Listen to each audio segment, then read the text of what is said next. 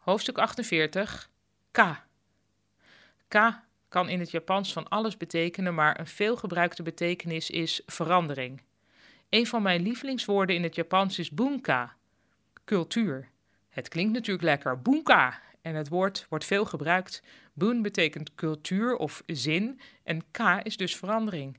Ik vind het mooi en verrassend on-Japans dat in een woord voor cultuur al het woord voor verandering besloten ligt.